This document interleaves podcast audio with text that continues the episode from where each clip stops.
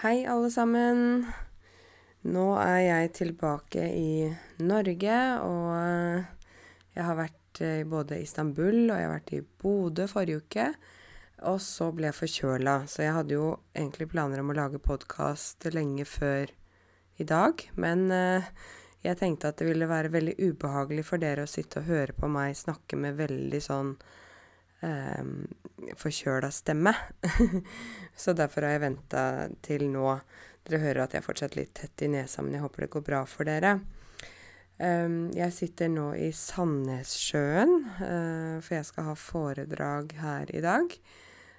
Foredrag for lærere. Så det blir veldig spennende. Jeg gleder meg til det.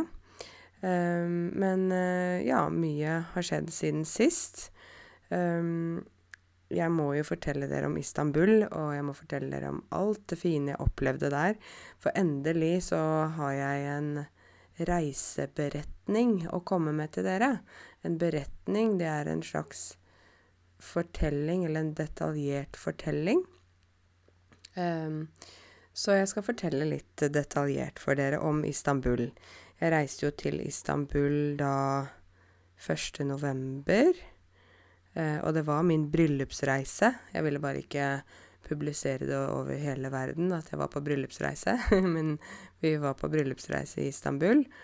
Og det tok litt tid før vi kunne reise på bryllupsreise fordi vi måtte ta begge koronavaksinene, og så måtte vi vente en del uker etter siste vaksine og sånn, så det tok litt tid. Men eh, jeg må absolutt si at Istanbul er et veldig fint reisemål for både bryllupsreise og vanlig reise og vennereise, familiereise, alt mulig. Jeg har jo vært i Tyrkia mange ganger. Jeg Er veldig glad i Tyrkia. Og det er fordi Tyrkia har på en måte alt som jeg trenger. Det er masse kultur, masse historie, det er god mat, det er hyggelige og vennlige mennesker. Det er et stort land, masse å oppleve. Og så er jo en av mine nærmeste venner opprinnelig derfra. Og så er det ikke så langt å reise heller. Så jeg syns Tyrkia er et fint sted å være. Og jeg har jo lagd noen uh, podkaster i Tyrkia også før, uh, da jeg har vært i Antalya. Men nå var jeg altså i Istanbul, og det var min første gang i Istanbul. Jeg hadde ikke vært der før. Uh, og det var litt viktig for oss når vi skulle reise på bryllupsreise, at det var et sted hvor ingen av oss hadde vært. For det hadde vært litt kjedelig hvis f.eks. jeg hadde vært der, og uh, Bishar ikke hadde vært der.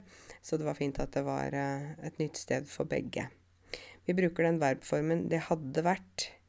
Det hadde vært fint hvis du kom på besøk til oss i løpet av helgen.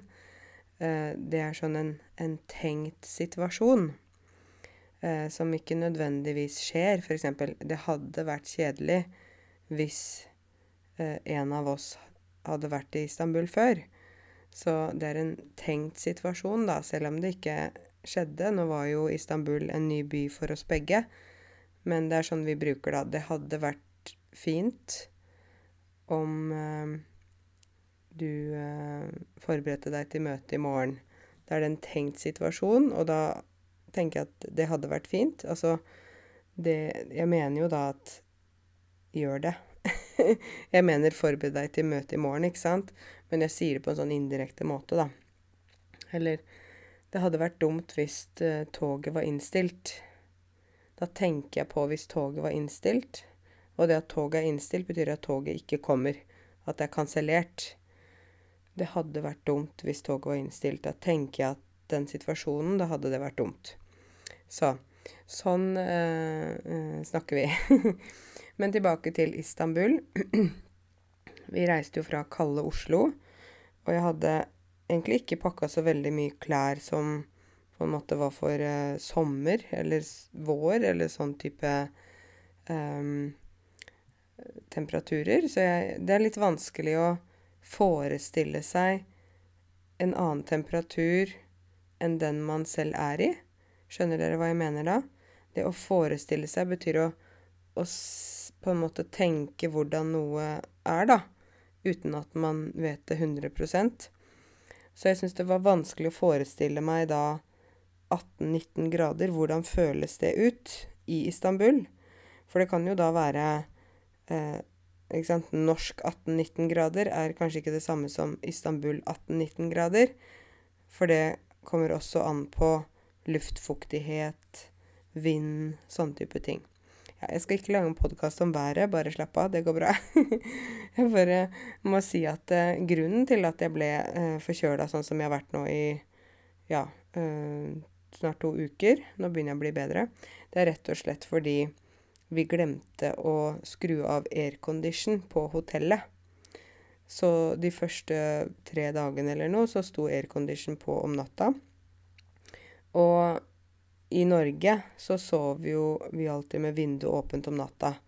Men det er jo en naturlig bris. Bris betyr litt vind, litt luft som kommer. Du vet bris farris også. Det er bris. det er det samme, men eh, altså når vinduet er åpent, så kommer det naturlig bris inn på rommet. Mens når aircondition er på, så er jo det en unaturlig eh, lufttilstrømming. Altså det kommer jo luft i en bestemt temperatur hele tiden. Um, og da kan man fort bli syk, fordi da blir det en sånn um, Ja, en unaturlig temperatur da i rommet. Og jeg vet jo egentlig det, men nå må dere huske på at uh, det er veldig lenge siden jeg har reist. Det er lenge siden jeg har vært på ferie. Uh, det er lenge siden jeg har vært på hotell med aircondition der det var varmt. Altså, det er nesten som det var en, et annet liv siden. så eh, etter dag tre så begynte vi å bli litt syke, og så ble vi ganske syke. Både fikk feber og øh, hoste, nese, alt dette her. Og når vi kom tilbake til Norge, så testa vi oss for korona på Gardermoen, på flyplassen. Men det var ikke korona. Det var rett og slett aircondition. Ja. Så det er sånn Da kan jeg si at det er, så, det er så kjedelig å være sånn. Og det jeg mener da med at det er sånn Å, det er så kjedelig å bli sånn syk som dette her, det er fordi Altså, jeg Det er ikke sånn at jeg må ligge i senga. Jeg er ikke så dårlig, men jeg er fortsatt ikke bra, da. Ikke sant? Så det er sånn irriterende. Kjedelig. Um, ja, men nok om det. Nå uh, må jeg fortelle om alt vi gjorde i Istanbul. Det var veldig mye. Det var veldig mye å se. Og det er en by jeg må tilbake til en annen dag, fordi eh, En annen gang, ikke en annen dag. Men det er bare så Det er en så stor by, og det er en veldig innholdsrik by. Det betyr at den har veldig mye å tilby. Um, det er en by med veldig mange mennesker, veldig mye historie. Veldig mange steder å besøke, rett og slett. så jeg tror ikke det holder med bare én uh, runde i Istanbul. Men vi bodde jo i et område som heter Sultan Ahmed. Og det er jo Jeg vet ikke om jeg uttaler det riktig hvis dere som snakker tyrkisk, hører på. Dere får tilgi meg for min dårlige tyrkisk uttale. Men det Sultan Ahmed-området er liksom sånn sentrum, da. Eh, så bodde vi på et veldig, veldig nydelig hotell som jeg fikk anbefalt av en venninne. Og det het Ashwa Hotel. Det var faktisk en eh, Altså eieren var fra Aserbajdsjan, eieren av det hotellet. Og de hadde laget hotellet i sånn veldig tradisjonell stil. Og det syns jeg er veldig fint, jeg som er så veldig glad i historie. Eh, det var flotte tredører med utskjæringer. Utskjæring i tre. Du vet når du bruker sånn redskaper for å lage sånn mønster i tre, sånn ornament. Eh, det var en nydelig dør. Eh, inngangen til hotellet. Det var sånn dør eh, der også det var stein. Det var hogget inn sånn fint orientalsk mønster i stein, så det var sånn veldig fin inngang. og når vi kom, så var de veldig høflige og sa hei og velkommen og sånn. Og så satte vi oss ned, og så fikk vi servert rosevann. En del av dere kjenner til det rosevann og mintvann. Og så fikk vi dadler. Uh, og så fikk vi uh, nøkkel til rommet og sånn. Og kom opp der, og det var bare kjempefint. Uh, når du kom ut av heisen, så var det persiske tepper fra Iran. Sånn silketepper som lå på gulvet. og inne på rommet var det liksom tyrkiske fliser på badet. Det var gull ikke ekte gull, da, men gullkran og, og gulldusj og sånn i gullfarge. Det er sånn som jeg liker, da. Jeg liker jo litt sånn sånn type ting. eh, og så var det sånn tre tremøbler, på en måte. Tradisjonelle tremøbler, og også silketeppe på gulvet. Eh, og det sto snacks og vann og, og, alt mulig klart til oss, så det var bare helt supert. Og så var det et hotell der, man, eh, der de ikke serverer alkohol. Og det syns jeg var veldig deilig, eh, og jeg valgte det hotellet bevisst. Å velge noe bevisst betyr at når du velger, så er du veldig sånn fokusert. Det er ikke bare sånn at 'Å, jeg bare tar noe'. Nei, du er veldig sånn 'Jeg skal ha den fordi sånn og sånn'. Så eh, jeg ville ha det hotellet fordi de ikke serverte alkohol der. Eh, for jeg drikker ikke alkohol, eh, som dere vet. Eh, og så da vet jeg at når hotellet ikke serverer alkohol, så betyr det også at uh, det ikke er fest om natta. Ikke sånn type festehotell. For det syns jeg er veldig slitsomt. Uh, hvis jeg er på ferie, så vil jeg slappe av. Jeg vil ikke våkne midt på natta av at det er sånn høylytt fest og skrik og rop og disko og åh, ja. Nei, jeg orker ikke det. Så det var ikke noe um, eh, alkoholservering der. Jeg syns det var helt supert. Eh, og første kvelden så spiste vi bare på hotellet, på restauranten der. Eh, og da fikk vi servert Nå husker jeg ikke hva det heter, men det var et veldig, veldig tynt brød, samme som nesten flatbrød, som vi har her i Norge, som var laget av Hva var det de sa? 70% yoghurt og 30% mel, eller noe sånt. Og som hadde blitt lagt ut i sola i landsbyen til å tørke under sola. Så det hadde ikke blitt stekt, men bare tørket. Og så hadde det på en måte sånn naturlig tørket av sola, da. Og så fikk vi det sammen med noe sånn eh, type saus eller noe sånt. Det var sånn, sånn bare før maten kom.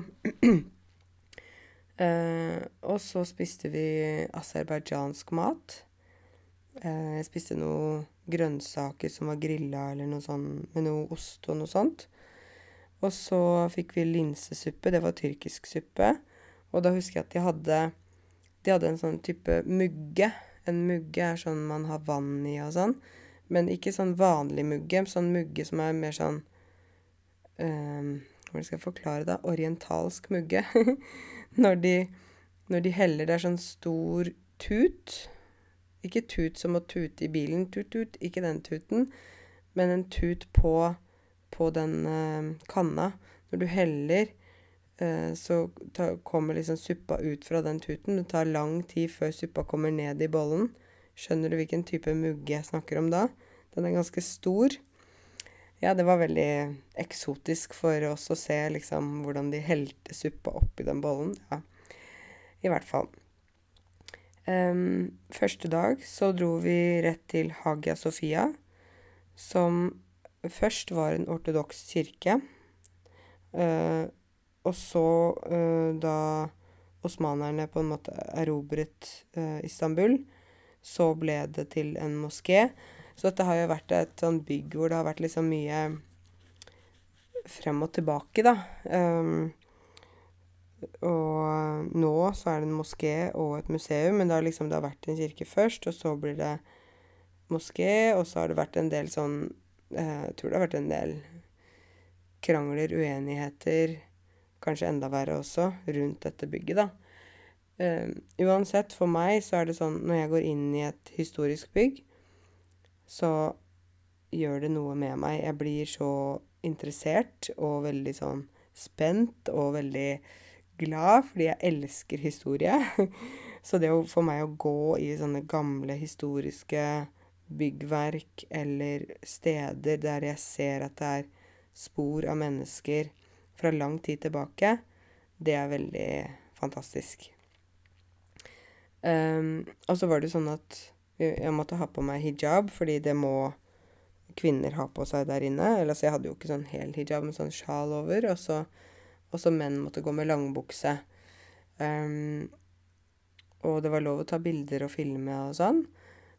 Og så er jo dette så gammelt at gulvene er slitte. Altså steingulvene. Når du skal gå inn, så er det liksom den uh, dørterskelen, da, som er det som er liksom mellom gulvet og, og døra, ikke sant, den, den var sånn slitt. At den var slitt, betyr at den var litt buet ned. At folk har gått over den så mange, sikkert millioner ganger, at den blir slitt. Kom den inn der, så var det jo veldig mye mennesker. Eh, det var flotte sånne lysekroner. Det betyr altså sånn lampe som henger fra taket. Sånn på engelsk sier vi chandelier. Um, og så var det teppe på gulvet.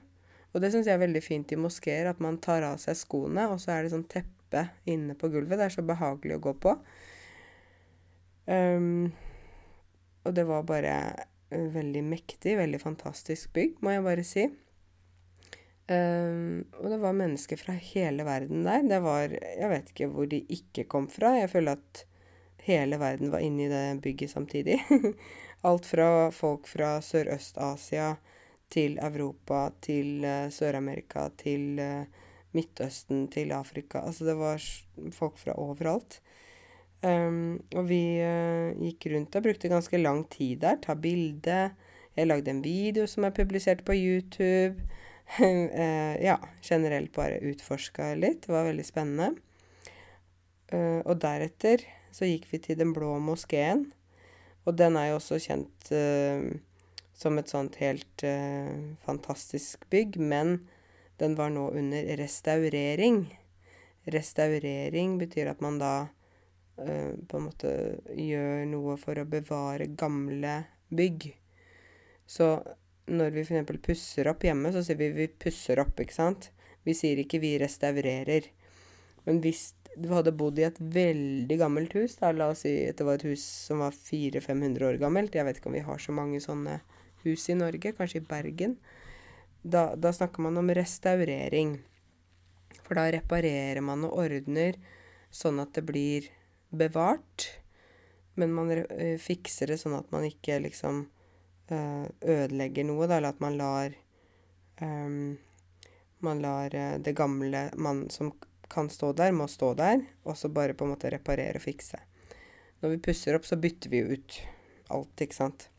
Så den blå moskeen var under restaurering, så besøket der Jeg tror hvis den ikke hadde vært under restaurering, så hadde nok eh, liksom folk vært der lenge. Men der var det mer sånn gå inn og se rett opp i taket, og ellers så kunne vi ikke se så mye, så da gikk vi ut. det var den turen der. Og så gikk vi på en sånn ikke Grand Basar først, vi gikk på en liten basar, eh, som bare var en slags gate ute. Og det var litt deilig, for det var ikke så mange mennesker der. Og da kjøpte jeg et uh, vakkert sjal til min mamma. Uh, hun er veldig glad i sånne sjal, ha rundt halsen og sånt, særlig om vinteren. Og så kjøpte jeg um, safran, for det er jo veldig fint der, og veldig dyrt, må jeg si, men safran er jo dyrt. Og så kjøpte jeg sånn herre Jeg husker ikke hva det heter, altså, men det er en sånn type det lukter veldig sånn sterkt mint eller eukalyptus eller noe Det er ikke eukalyptus, men det er noe uh, hvit eh, sånn som man legger i kokende vann. Og så når du puster inn da, så klar, klarner nesa opp. Skjønner du hva jeg mener? Dere som er fra Tyrkia, vet kanskje hva det er. Jeg vet ikke hva det heter. Men det er i hvert fall sånn type mineral fra fjellene, forsto jeg. Som man putter i vann hvis man er litt sånn tett, sånn som jeg er nå. Og så puster man inn, og det var veldig sterkt. Så når jeg pusta inn, så ble det sånn Wow! Dette var uh, virkelig Ja, dette må være bra. Kjøpte det, og så Hva mer kjøpte jeg? Jeg kjøpte ikke så mye. Uh, ja, og så gikk vi og spiste og gikk litt rundt og sånn. Og så om kvelden så gikk vi innom Det var jo mange butikker, da. Vi gikk innom en lampebutikk. Og jeg elsker tyrkiske lamper. Jeg bare elsker tyrkiske lamper med store capital letters, store bokstaver. Elsker. Jeg hadde jo i min forrige bolig så hadde jeg en sånn uh, tyrkisk lampe med 22 kupler. Den var veldig stor og veldig lang, men jeg hadde jo fem meter under taket, så jeg kunne ha en sånn type lampe der, at uh, det var jo mulighet for det. Um, så det var liksom veldig spennende å gå inn i den tyrkiske lampebutikken. Og når vi gikk ned i kjelleren der, så de måtte skru på jeg vet ikke hvor mange brytere for å få alle lampene på. Jeg er sikker på det var 200-300 lamper der nede, og mange av de var store. Så de skrudde på lysene, og vi fikk se alle de flotte lampene. Og der vi bor nå, så har vi ikke sånn fem meter under taket, så dessverre kunne jeg ikke kjøpe en kjempestor uh, lampe. Uh, men jeg fant to andre typer lamper, da, som var litt mindre, som jeg kjøpte. Um, og så satt jeg der og snakka med han som eide butikken, og så var det en annen mann som jobba der. Han var fra Syria uh, og hadde jo kommet over som flyktning. Vi satt og snakka litt om situasjonen i Syria og situasjonen i Tyrkia og ja, litt forskjellig. Så det var egentlig veldig hyggelig å bli kjent med dem. Eh, og så eh, istedenfor å gå rundt og bære på de lampene, som jo var litt tunge og store, så bare spurte jeg om de kunne levere på hotellet vårt. For det var ikke så langt unna. Og ja, det kunne de. Så da tenkte jeg å, det var jo veldig bra service. Men jeg syns at det, det skader jo ikke å spørre, ikke sant. Man kan jo spørre om de kan gjøre det. Og hvis de ikke kan gjøre det, så sier de nei. Men uh, hvis de kan gjøre det, så er jo det veldig praktisk. Så da fikk jeg i hvert fall levert eh, lampene til hotellet. Det var supert. Um, vi skulle jo gå mange forskjellige steder og se mye forskjellig. Um, vi dro neste dag til Topkapi Palace, som var liksom sultanens palass, som lå litt oppå en høyde. Um, dette palasset er jo gigantisk. Det betyr at det er veldig, veldig stort. Og du må vel nesten bruke en hel dag der hvis du skal gå gjennom alt. Men jeg er litt sånn når jeg går på sånne museer og ser veldig mange uh, historiske ting og sånn Selv om jeg elsker historie, så blir jeg litt metta. Å bli metta, eller mettet på litt sånn penere norsk Å bli metta betyr at du blir mett på noe som er ikke mat, da, men opplevelser. Eksempel 'Å, jeg er litt metta på folk nå' betyr at jeg er litt Nå er det nok folk. Nå vil jeg være litt alene. Eller jeg er litt metta på eh, museer. Nå vil jeg ikke gå på flere museer. Skjønner du? Jeg er mett på noe som jeg ikke spiser. Jeg er metta. Eller jeg er mettet. Jeg er mettet på det. Ja. Så um, Men i hvert fall, vi var på dette her uh, uh, Toppkapi Palace, og da det som var veldig spennende der, var å gå inn i sultanens, eller sånn, haremet. For eh, harem har jeg alltid forbundet med liksom noe veldig negativt, da. At harem, det var liksom et sted der de mm, behandla kvinner dårlig og bare brukte kvinner og hadde prostituert og Det var liksom sånn bilde jeg hadde av harem, fordi det er det vi alltid har blitt fortalt. At harem er eh, Ja, det var liksom noe negativt, da. Nesten som et slags horehus, altså et hus for prostituerte.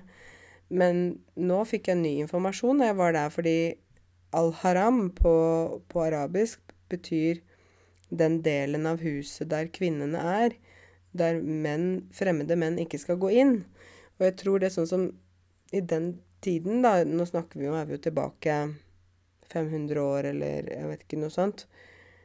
Da var det jo sånn at um, Kanskje det var litt mindre grenser på hva folk kunne gjøre. Altså, folk drepte andre veldig lett, kanskje. Voldtok kvinner. At det var Jeg vet ikke, det var kanskje ikke så mye system. Um, og da uh, var det bra at kvinnene var beskytta. Så i haremet, da, eller i al-haram, så var det en del av palasset der kvinner og barn uh, var. Der var Eh, mammaen til sultanen, det var konene, for han hadde ofte flere koner. Uh, og det var barna, og så var det svigersøstre og tanter og søstre, og alle, egentlig alle kvinnene. Og så hadde de vakter der. Og de vaktene, det var afrikanske menn uh, som de hadde kastrert. Det var ganske grotesk, syns jeg, da. Men det var altså eh, Evenukker kaller vi de når de eh, er kastrert, altså menn som er kastrerte. Jeg vet jo også det har vært vanlig i Kina, blant annet. Eh, så disse evenukkene Jeg syns det er fælt å egentlig sette et sånn navn på noen, men eh, de mennene bodde også inne i haremet, fordi de var jo kastrerte, så de kunne jo ikke uh, få barn eller noe sånt med de. Uh, men de hadde da sitt eget sted, uh, og de passa på haremet, da, så de var vakter rundt området der. Og dette haremet besto av over 300 rom, ni bad, um, jeg tror det var to moskeer, mange andre rom hvor det var sånn besøksrom og hvor de kunne komme inn og, når det er internasjonalt besøk og sånn. Det var et røykerom for um, sånn shisha, argile, vannpipe. Det var selvfølgelig hammam, altså bad, da, som jeg sa, sånn hvor de kunne sitte og ta hammam, sånn badstue. Det var hage, det var vaskerom, det var selvfølgelig kjøkken, det var alt. Uh, og de, dette var jo rike folk. Selvfølgelig kona til sultanen. Så de hadde det jo bra der inne. Men det var veldig interessant å, å se liksom haram, eller harem. Jeg har ikke tenkt på, på, det før at det kunne faktisk være noe bra, men nå lærte jeg noe nytt. Så når man reiser, så lærer man jo mye nytt, og jeg tenker det er, det er veldig viktig. Jeg syns at Jeg er veldig sånn ydmyk, da, eh, på at det er mye jeg ikke kan. Det å være ydmyk betyr at man på en måte inn Ikke gå rundt og liksom er verdensmester og si 'Du, jeg kan alt, jeg vet alt, jeg' Man må si 'Vet du hva, uh, det er mange ting jeg ikke kan. Det er mange ting jeg ikke vet. Det er mye jeg må lære. Uh, men å være åpen for å lære, da. Så um, inne på dette Top Copy Palace så var det bare Det var helt fantastisk å se. Og jeg elsker arkitekturen. Jeg elsker de historiske liksom Du ser at ting er veldig gammelt, at det har vært der veldig lenge. Um, ja, rett og slett utro, utrolig spennende. Så anbefales. Um, og så gikk vi på Grand Bazaar i Istanbul. Og Grand Bazaar er jo kanskje et av verdens eldste kjøpesentre. Hvis ikke verdens eldste kjøpesenter. Og den var jo veldig stor. Um, det var som en labyrint, sier vi på norsk. Maze sier man på engelsk. Det var altså så mange veier til høyre og venstre og rundt og frem og tilbake. Og så mange små uh, butikker og så mange mennesker at jeg ble helt forvirret. Jeg ble så forvirra at jeg tenkte at her orker jeg ikke handle. Fordi at det var sånn Det kom folk 'Lady, lady! Lady, lady!' De ropte på meg, ikke sant. 'Kom, kom!' Og de ville at jeg skulle kjøpe ting. Og da blir jeg sånn hvis noen maser på meg om å kjøpe ting, da kjøper jeg ingenting. Hvis de lar meg være i fred når jeg går inn i butikken, da kan det godt hende jeg kjøper mye. Og det er sånn jeg føler um, i andre land, da. Så skulle jeg ønske at de, de ikke drev og maste. Da blir, jeg, da blir jeg sånn veldig, kanskje veldig norsk. At jeg blir sånn La meg være i fred. Ikke snakk med meg. Jeg vil bare se for meg selv. Og jeg vil tenke for meg selv, og ikke komme og forstyrre meg i min shoppinggreie. Uh, så, men i hvert fall alle ville selge ting, og det var alt fra vesker til klær, pelsjakker, krydder, parfyme, gull uh, Jeg vet ikke hva det ikke er der. Alt er det der. Så ja. Men jeg På grunn av at det var veldig intenst, så gikk jeg ganske fort ut. Eller jeg måtte finne veien ut, da, for det var ikke så lett å komme seg ut. Um, men i hvert fall. Det var uh, Grand Bazaar. Um, og på kvelden da så skulle vi uh, gå og se på sånn dervish dancers. Altså uh, det er Dervish, det er um, menn som har gått inn i en slags Hva skal jeg si orden. Vi kaller det for en orden. En, en, en type gruppesystem innenfor en religion, da gjerne. Så vi har jo sånn for eksempel innenfor kristendommen har vi jo munkeorden og nonneorden. Det er sånn type Hvis du ser for deg et tre Hvis kristendommen er et tre med mange forskjellige former for kristendom, og så har du da noen små grener som er sånne ordener, sånn eksempel munker og nonner. Dette er eh, en orden innenfor islam. Eh, det er eh, sufi, som er en del av på en måte en avart av islam, da. Eh, det er jo ikke det samme som sunna og shia og de retningene der, men det er en egen retning som har oppstått i eh, for rundt 700 år siden. Eh, og det begynte med Rumi, som var da en veldig kjent poet. Filosof, religiøs mann. ja. Og han bodde i disse områdene. Og han var veldig liksom Han var veldig filosofisk av seg. Jeg syns jo Rumi har veldig mange fine sånne sitater. Hvis dere har sett noen sitater av Rumi, det var veldig mye Han var veldig klok. Og veldig mye visdom, rett og slett. Um, og han hadde begynt å på en måte lage liksom Hva skal jeg si Ikke en sånn slags sånn at du må være med på dette og dette, men det var for folk som ville gå inn i religionen på en spirituell måte, da.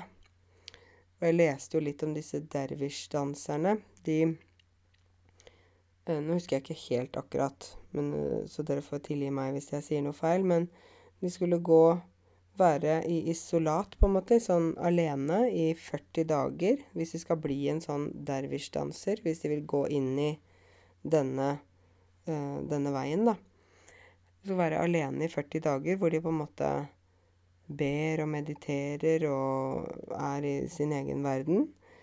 Um, og så, uh, etter hvert, så får de jo en del sånn Sikkert en del slags undervisning, eller um, de blir lært opp da innenfor disse her uh, denne retningen.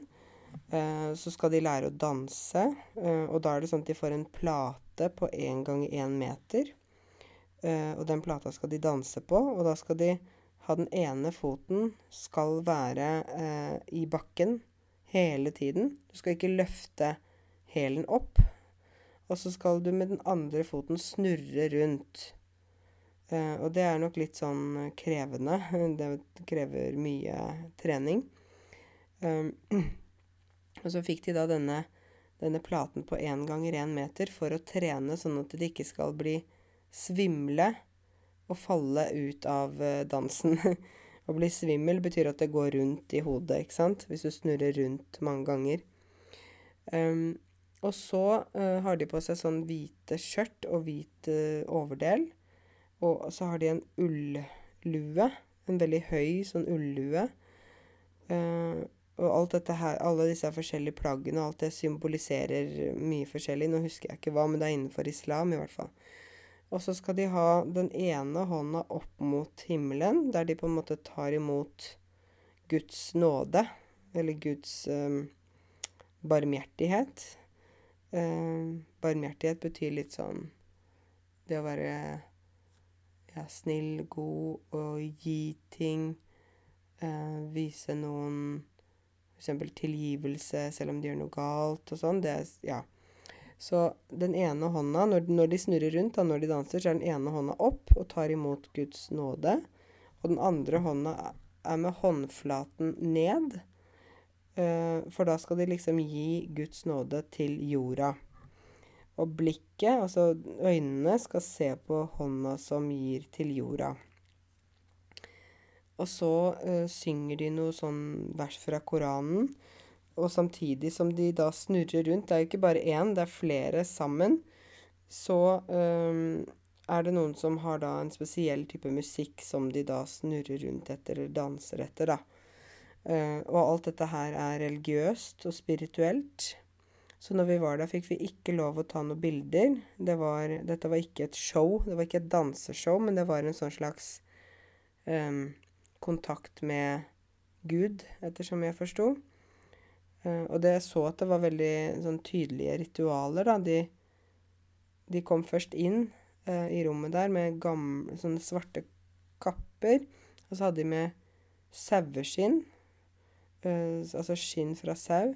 Først fire-fem skinn som da mange av de satt på. Og så ett skinn med rød farge som en annen hadde på andre siden av rommet. Som Ja. så jeg forsto at dette var veldig symbolsk. Um, ja, så det, jeg forsto på en måte ikke alt hva de gjorde, og hva alt betydde sånn, men jeg forsto at dette var veldig Det var dypt religiøst, da. Men det var veldig flott å være med og se, og det var veldig imponerende alt, uh, alt vi fikk sett, og det var veldig sånn Altså, det, uh, sufisme er jo en del av islam. Det er på en måte mystikken i islam, da. Noen som kanskje prøver da å oppdage Gud gjennom både filosofi, det som er mystisk, det som er Ja. Um, så det var veldig interessant å være med på å se. Um, anbefaler egentlig å gå og se sånne dervish-dansere. Jeg syns det var flott. Flott å se på. Um, vi dro dagen etterpå på en båttur. Uh, og da var det sånn at vi skulle finne da en båt, og da, da skal man være med, og så er det frokost på båten, og så er det musikk og litt sånn. Veldig sånn turistaktig, men det var veldig hyggelig. Men for å finne båten så måtte vi jo da følge et kart. Og hadde det vært i Europa, så kunne jeg bare brukt dataen min fra, på telefonen, ikke sant. Men hvis jeg bruker norsk nummer i Tyrkia, og bruker GPS og bruker Google, altså, så blir det kjempedyrt. For å bruke internett der blir veldig, veldig dyrt. Så vi prøvde å laste ned en sånn GPS som gikk offline, da. Som vi kunne bruke uten nett. Uh, og plotta inn adressa der båten skulle være og sånn, og havna på helt feil plass. Um, så vi løp jo rundt der for å prøve å finne båten, og vi fant faktisk båten i tide.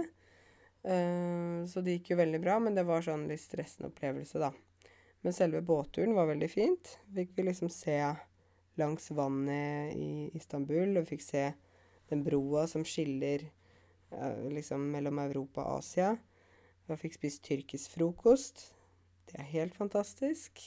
Jeg elsker tyrkisk frokost. Da kan man sitte i mange timer og spise.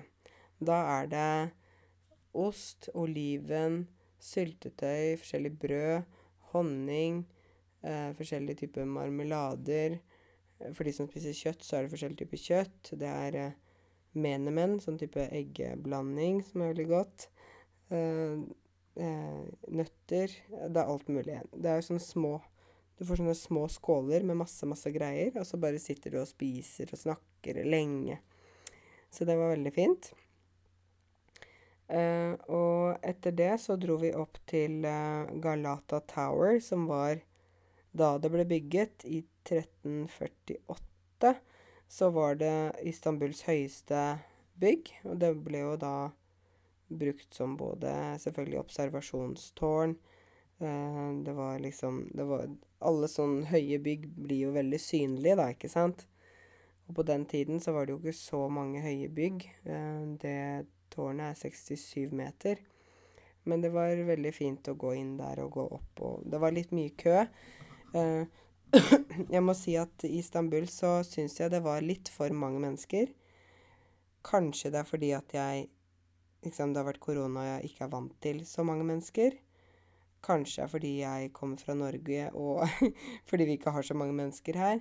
Men det var virkelig, vi sier på norsk, tjåka fullt. Det var tjåka fullt, og det betyr at det var veldig fullt. Så jeg måtte gå sånn i sikksakk.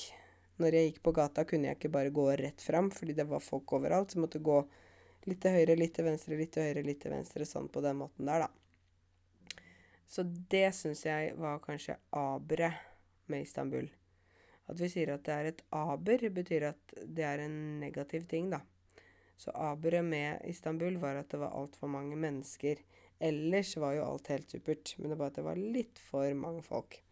Men nok om det. Jeg vil ikke snakke om det negative, men jeg var jo veldig fornøyd med turen. Um, ja, så vi var på den uh, The Galata Tower. Uh, og så dro vi da etter det, på kvelden, da, så dro vi på tyrkisk hammam. Og da dro vi på et hammam, og det elsket jeg også. Det var et hammam fra 1741. Altså det er nesten 300 år gammelt. Og hammam er jo da et bad, ikke sant? Og det har det vært veldig lange tradisjoner for i i Tyrkia veldig lenge, og sikkert også mange land rundt, rundt det området. Men dette her fra 1741, det var jo nesten et museum. Uh, og der var det jo sånn at uh, Altså, der er det jo Det er jo vanlig på hammam at, at uh, menn og kvinner får hver sin hammam-behandling separat. Man er ikke sammen i samme rom. Så jeg var da i kvinneavdelingen.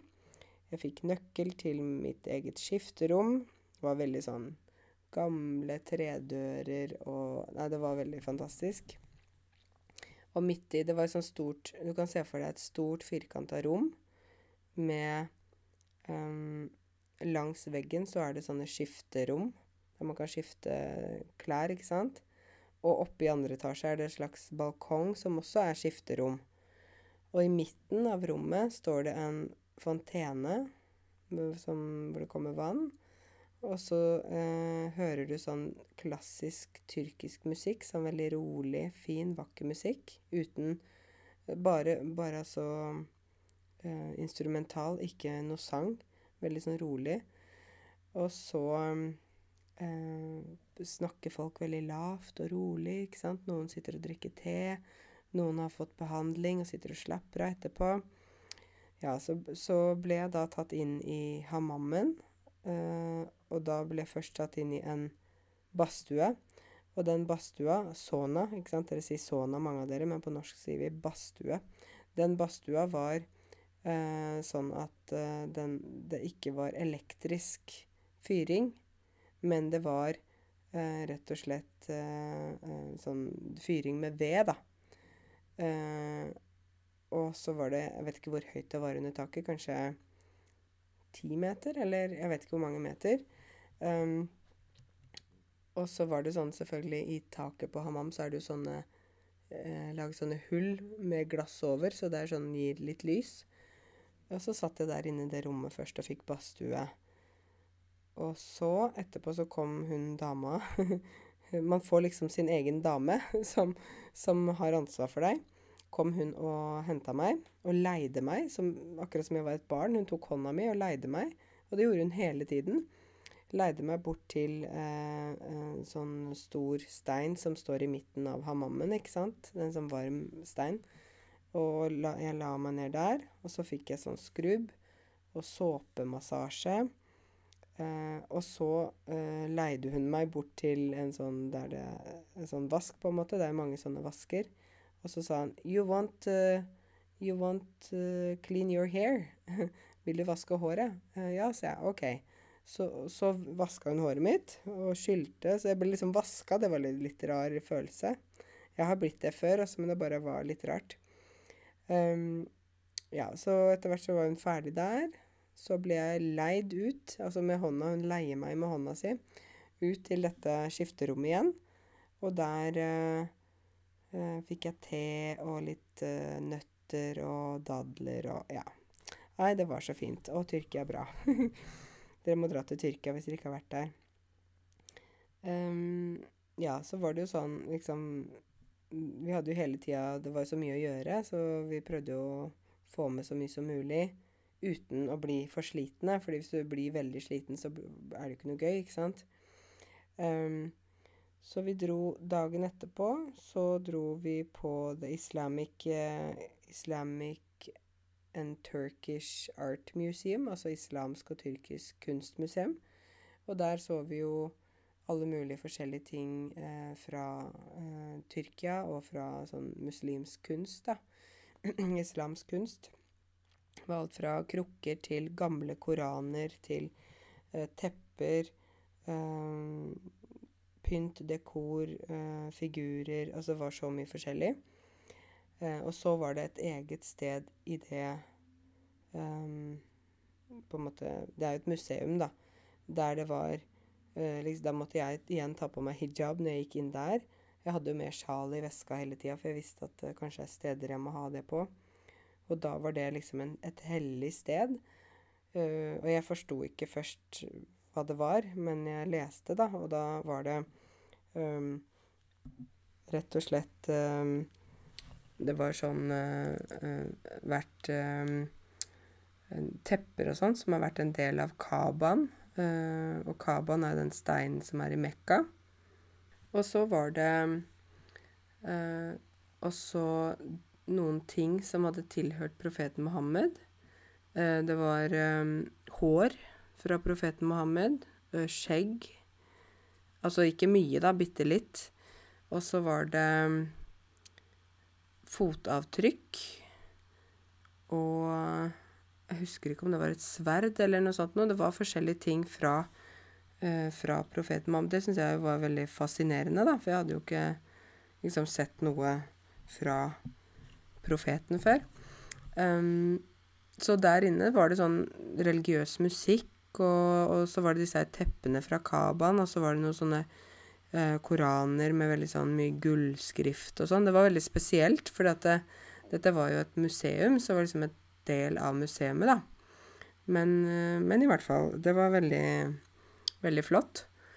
Um, og så var det spennende å se forskjellige Det er jo alltid spennende å se forskjellige typer historiske ting. Og masse tepper. Det var et eget liksom, teppegalleri der inne med kjempestore tepper. Og da er det sånn Det er ikke uh, liksom tre ganger fire meter. Det er sånn uh, ti ganger ti meter, kanskje. Eller sånn kjempe, kjempestore tepper. Og gamle tepper. Så det er jo helt fascinerende at de har klart å bevare teppene så lenge uten at de har blitt ødelagte. Så det var også veldig fint å dra en tur eh, dit. Eh, og så etter det så dro vi til Suleimanje moské, som er en annen moské som ligger litt unna der. Og den er også gigantisk. Um, arkitekturen og sånn, den er litt sånn uh, enklere i stilen enn f.eks. Hagia Sofia og Den blå moské, men fortsatt veldig fantastisk vakker. Kjempestort uh, der inne. Røde tepper. Kjempefin lysekrone. Um, også veldig sånn rolig, fin atmosfære. Jeg liker alltid å gå inn i sånne religiøse bygg, fordi det er veldig, ofte veldig sånn fin atmosfære der. Om det er kirke, eller om det er tempel eller moské eller hva, så syns jeg det er så Det er sånn ro og fred og veldig sånn Det er akkurat som det, du er liksom inne i noe hellig, da. Noe veldig sånn viktig og flott. Så ja. Det var også veldig fint å se den moskeen der. Og ja, og så var vi jo da på mange restauranter, selvfølgelig. Spiste jo mye tyrkisk mat. Uh, jeg spiste pidé, som er en type pizza uh, i en slags oval form med ost og sånt i. Jeg spiste halloumi-salat. Jeg er veldig glad i halloumi. Uh, jeg spiste menemen, som er sånn tyrkisk frokost. Sånn type omelett med tomat og noe greier. Um, jeg spiste børek, selvfølgelig. Uh, baklava, det er jo sånn dessert, det er jo supergodt. Og jeg spiste Turkish Delight, som er sånn type tyrkisk godteri. Veldig godt. Um, jeg spiste jo en del andre matretter som jeg ikke husker hva heter nå. Jeg husker ikke tyrkiske navnet, beklager det, dere. Men uh, det er i hvert fall veldig god mat der. Uh, og tyrkisk mat er jo ikke sterk mat, men det er mye smak. Så det er veldig deilig. Alle kan like tyrkisk mat, tror jeg. En annen ting som jeg så i Istanbul, som jeg syns var så fantastisk, det er jo det at uh, de tar veldig godt vare på dyr i Tyrkia. De passer på dyr som ikke har et hjem. Altså kommunen og staten Um, F.eks. Uh, løshunder, altså hunder som ikke bor med en familie, ikke sant, som bor på gata. Da har de veterinærteam som tar de inn, vaksinerer de, steller de, gir de medisiner om de trenger det. Staten setter ut mat og vann til de. Og generelt så er det tyrkiske folket veldig vennlig mot dyr. De eh, ikke sant, Når det plutselig begynte å regne, og så kom disse løshundene inn i butikkene og la seg der inne for å få ly. Å få ly, ly betyr da eh, å få liksom tak over hodet, beskytte seg fra regn og tøft vær. Og de satte ut mat og drikke til de, de klappa de. Hundene lå midt i gata der det var veldig travelt. Du kan se for deg Karl Johan i Oslo, men ti ganger mer. Og så ligger en hund midt på gata der og sover og slapper av. ja. Eh, samme med katter. Var katter overalt. De mater fugler. Altså, de er bare så snille med dyr. Og for meg som da er en skikkelig sånn dyrevenn, så blir jeg virkelig glad for å se det. Altså, da blir jeg så lykkelig når jeg ser det, fordi det betyr at det For meg så er det sånn Hvis du er snill mot dyr, så er du et godt menneske, på en måte. Tenker jeg. Fordi da er du snill mot noen som på en måte er helt avhengig av at du viser dem kjærlighet og godhet. Da. De forstår ikke på en måte konflikter og sånn type ting, ikke sant. De er jo avhengig av at, du, at de blir behandla bra. Så det var veldig uh, fint å, å, se rundt omkring i Istanbul. Jeg har sett det også andre steder i Tyrkia, så det er ikke første gang jeg ser det. Men jeg, jeg må bare si at jeg syns det er veldig flott at det er sånn. Um, jeg shoppa ikke så mye. Jeg hadde trodd jeg kom til å shoppe mer. Jeg er jo en, er jo en tidligere shopaholic. Det eh, betyr at jeg har vært helt sånn vill med shopping. Jeg har shoppa så mye før. Men nå føler jeg at jeg har egentlig alt jeg trenger, og jeg hadde ikke så stort behov for å bare kjøpe masse, liksom. Jeg kunne kjøpe ti vesker og ti par sko og ikke sant, 20 sjal. Jeg kunne handle sånn helt vilt. Men så blir det bare masse ting hjemme. Det blir bare fullt av ting. Inni skuffer og skap, og det er ting, ting, ting overalt.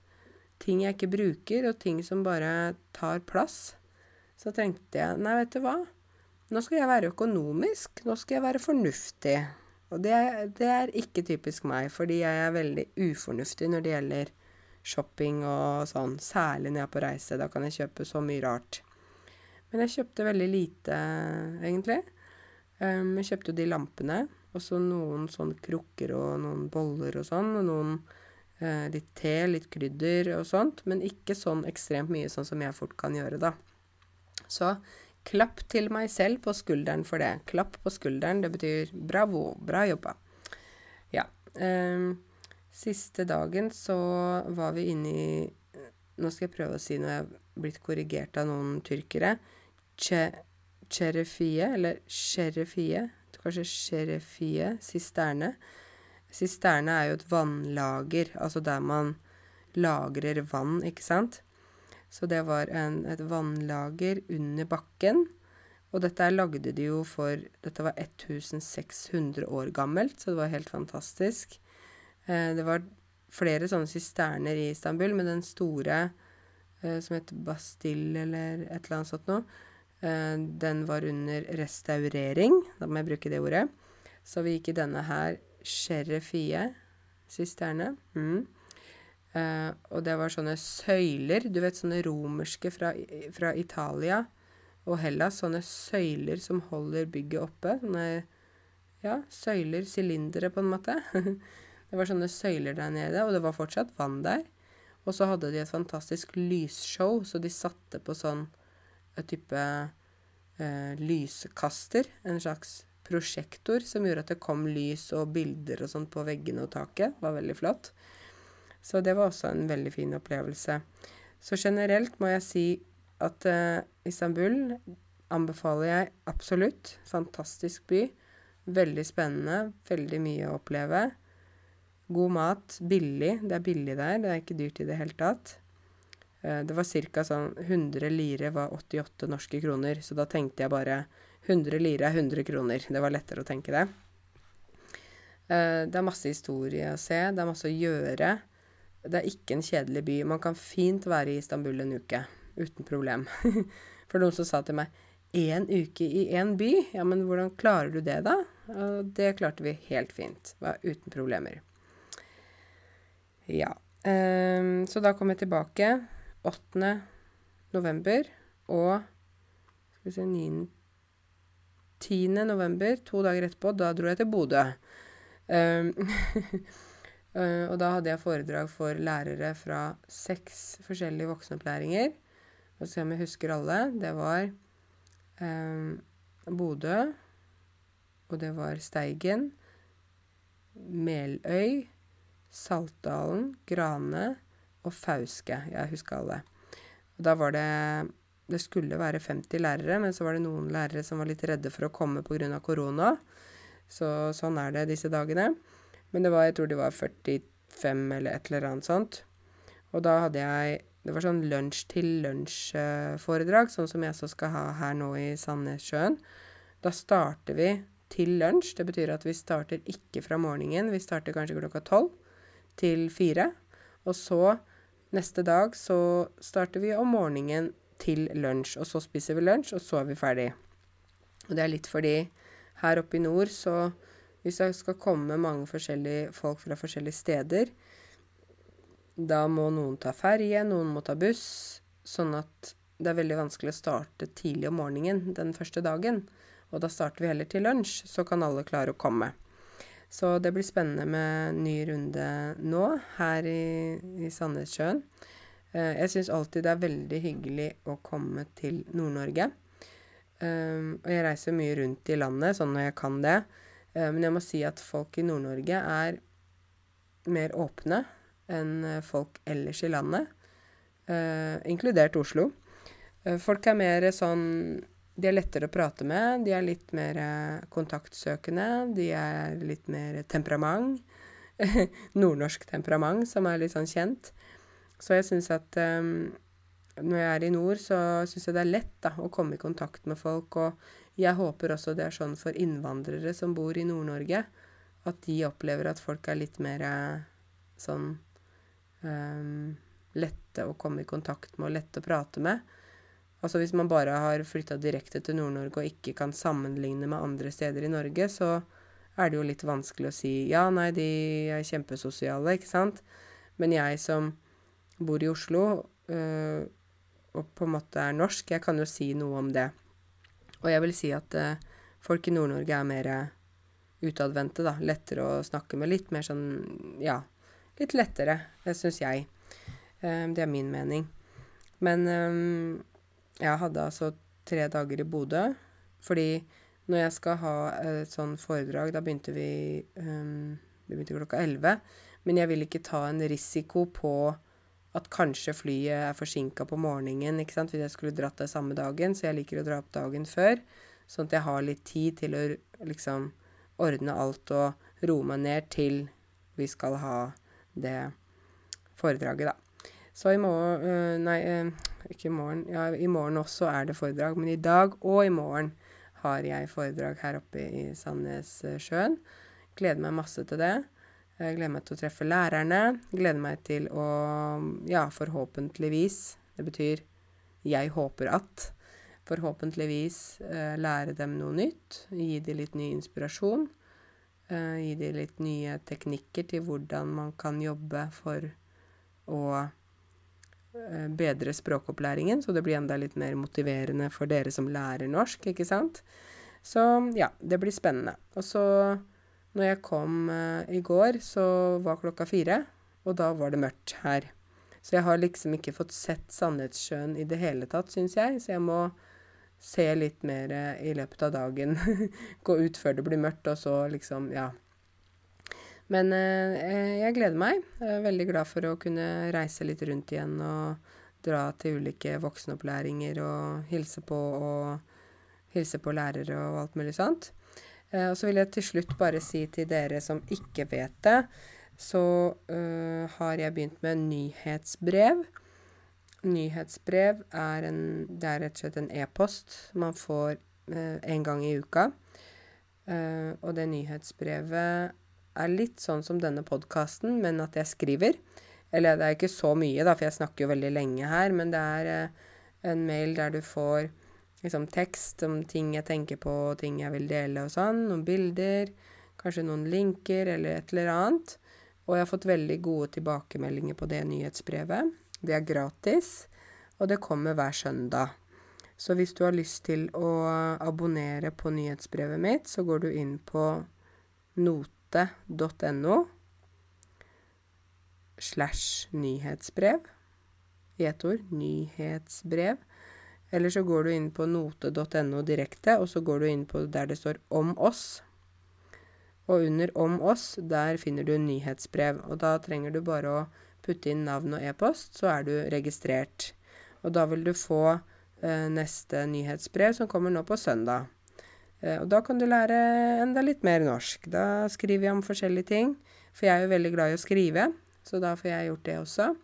Dele litt tanker og litt forskjellige ting med dere. Så Eh, kan dere lære enda mer. For mitt mål, som dere vet, det er å løfte dere alle sammen eh, opp på et høyere nivå eh, enn hva dere var dere, før dere oppdaget meg og mine kanaler.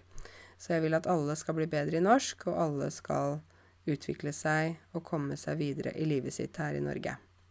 Eller om du bor i andre land, så vil jeg også at du skal lære deg mer norsk hvis du er interessert i det.